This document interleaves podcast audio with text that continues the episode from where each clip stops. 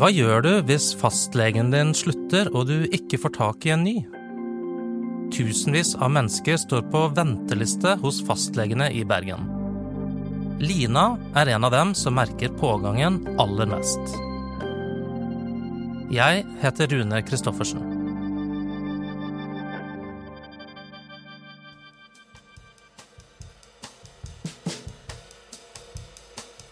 Det har vært en travel høst for fastlege Lina Velle Nilsen.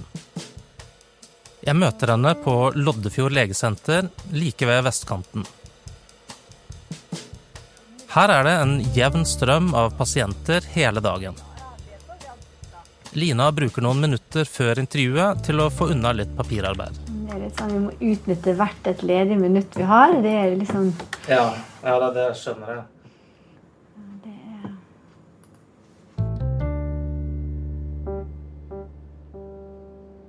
Høsten har vært eh, veldig hektisk.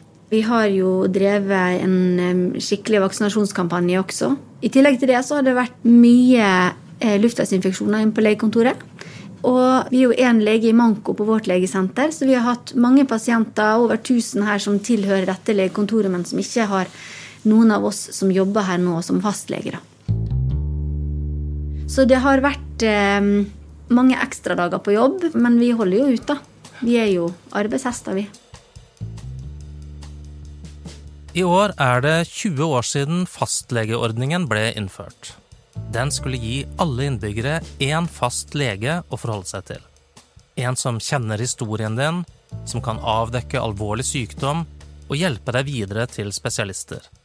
Men nå slår mange fastleger alarm om at ordningen er i ferd med å knele. Det var en kollega av meg som sa det, som var med å utvikle fastlegeordningen i Norge. at Han sa at dette var en flott skute som var satt på havet. Men så har ikke den blitt vedlikeholdt. Om det er en seilskute, så blir det hull i seilene, og, eh, og, man kan av og til ta inn vann. Og det er det som skjer med fastlegeordningen nå.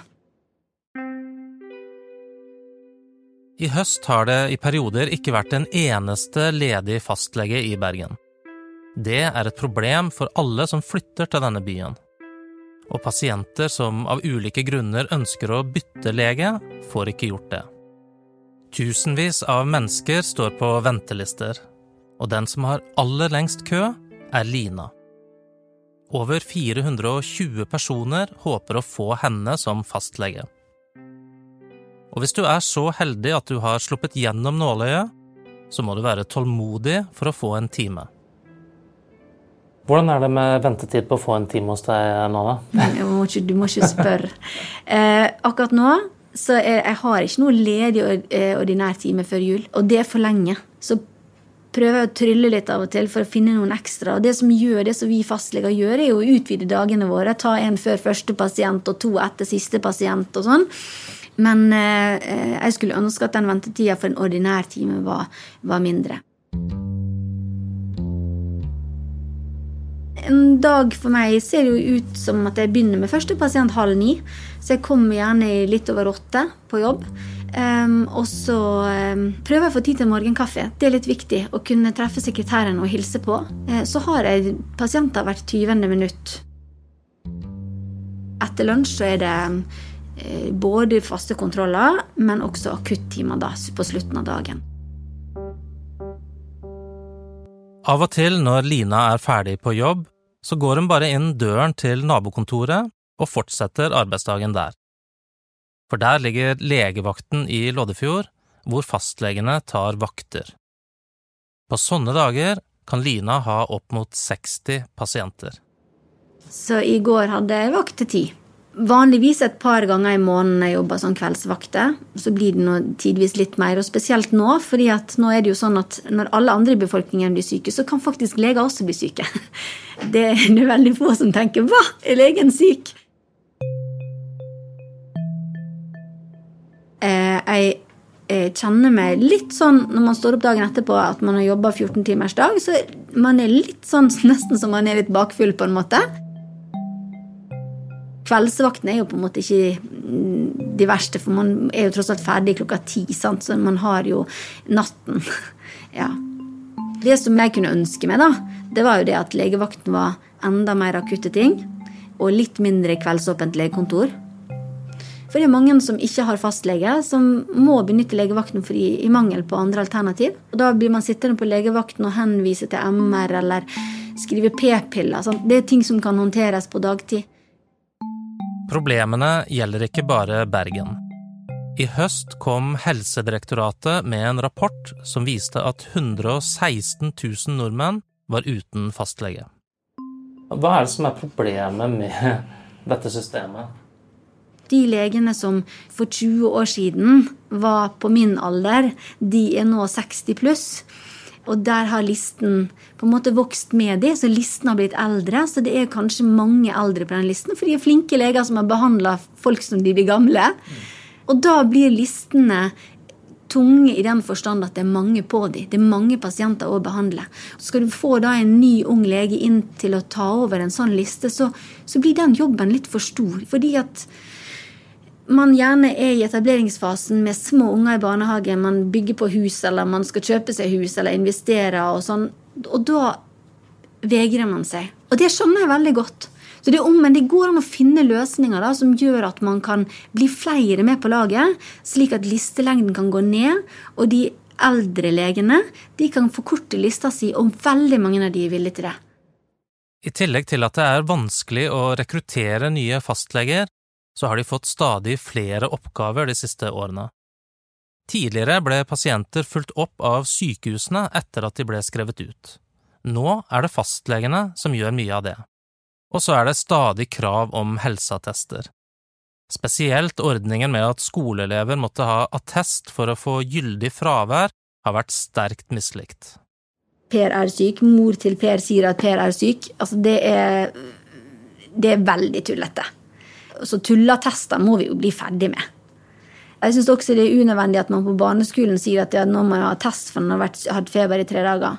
Det er Noen barneskoler praktiserer det. Det syns jeg egentlig er en tullattest. Her må foreldre og lærere snakke sammen. Her må jeg skyte inn at Lina er én av fire tillitsvalgte for fastlegene i Bergen. Jeg spør henne hvilke tilbakemeldinger hun får fra kolleger om arbeidshverdagen deres. Fra fastlegene så får vi jo noe må skje. Nå må kommunen ta grep. Eh, vi kan ikke ha det sånn. Nå må vi begynne å si nei. Vi har på en måte sagt ja, ja, ja, ja, ja. Nå må vi snart begynne å protestere. Mens eh, fastlegekrisen har fått utvikle seg gjennom flere år, så har helsevesenet andre, mer akutte problemer. Gjenåpningen av samfunnet har ikke gått som planlagt. Det settes stadig nye smitterekorder for korona. Samtidig er det høysesong for RS og andre forkjølelsesvirus. På legevakten og barneklinikken har kapasiteten vært hardt presset. På toppen av det kom den tredje runden med koronavaksiner. Gjennomsnittsalderen på fastlegene øker, og mange vegrer seg for å slutte, forteller Lina. Veldig mange jobber til de 70, og det er jo fordi at de har trivdes så godt i denne jobben, og da kommer det inn en ny lege. Ofte så sier pasienter da sånn Ja, den forrige legen visste alt om meg. Ja, sånn er det når man har 35 år på å bli kjent med en person. Så jeg ønsker det at de pasientene som er der ute, som får tildelt en ny fastlege, eller som har en vikar for sin fastlege, at de tenker at det, ok, det er det beste både for legen og pasienten at legen får gå av med pensjon, og at pasienten får tildelt en ny lege som kan ha muligheten og har lyst til å bli kjent med deg som pasient. Men er det noe håp i sikte for pasienter som mangler fastlege? Det er ting på gang. I fjor kom regjeringen med en handlingsplan for å redde ordningen. Blant annet har ferske fastleger fått et ekstra tilskudd som skal gjøre det lettere å bygge opp praksisen. Også for de med korte lister, dvs. Si færre enn 1000 pasienter, bedre betalt. Det skal få flere til å velge yrket uten at de må jobbe seg i hjel. Fastlegene skal også få færre oppgaver og slippe å bruke tid på unødvendige attester. Foreløpig har det ikke vært de helt store resultatene, men helseminister Bent Høie sa før han gikk av i høst at han håper utviklingen snur neste år. Jeg tenker nå må det snart roe seg. Ja. Det har jo begynt å roe seg. Nå er vi fastleger ferdig med vaksineringen, så det har i hvert fall roet seg. Vi har en god del forespørsel om vaksinering, covid, isolasjon, smitte, sånne ting. Jeg gir masse råd med vaksinene, så jeg håper at liksom, når det også roer seg, og når RS-viruspanikken kan, kan, begynne å, å, senke seg, så eh, tror jeg det Og vi får forhåpentligvis nye kollegaer på legekontoret, så eh, håper jeg at det kan bli eh, bedre for oss alle. Jeg liker å være fastlege. Se mange forskjellige folk i mange ulike livsfaser og med forskjellige problem. For det er ikke alltid vi som en sykdom. Vi behandler mye som er normalt og snakker om normale ting. Og vi følger pasienter over tid slik at de får et tillitsforhold til oss. Det er det som er gullet vårt. Og gullet i fastlegeordningen. Det at man har gjentatte møter over tid. Så en god dag på jobb for meg det er når jeg har for det første klart å holde tiden. At jeg ikke er blitt veldig forsinka. Eh, hatt noen oppfølgingstimer, og at jeg har hatt noen akutte timer. Det har jeg også hver dag. Og at jeg har rekt middag. Hva skjedde? er en podkast fra Bergens Tidende. Og denne episoden er laget av Anna Offstad, Arve Stigen og meg, Rune Christoffersen.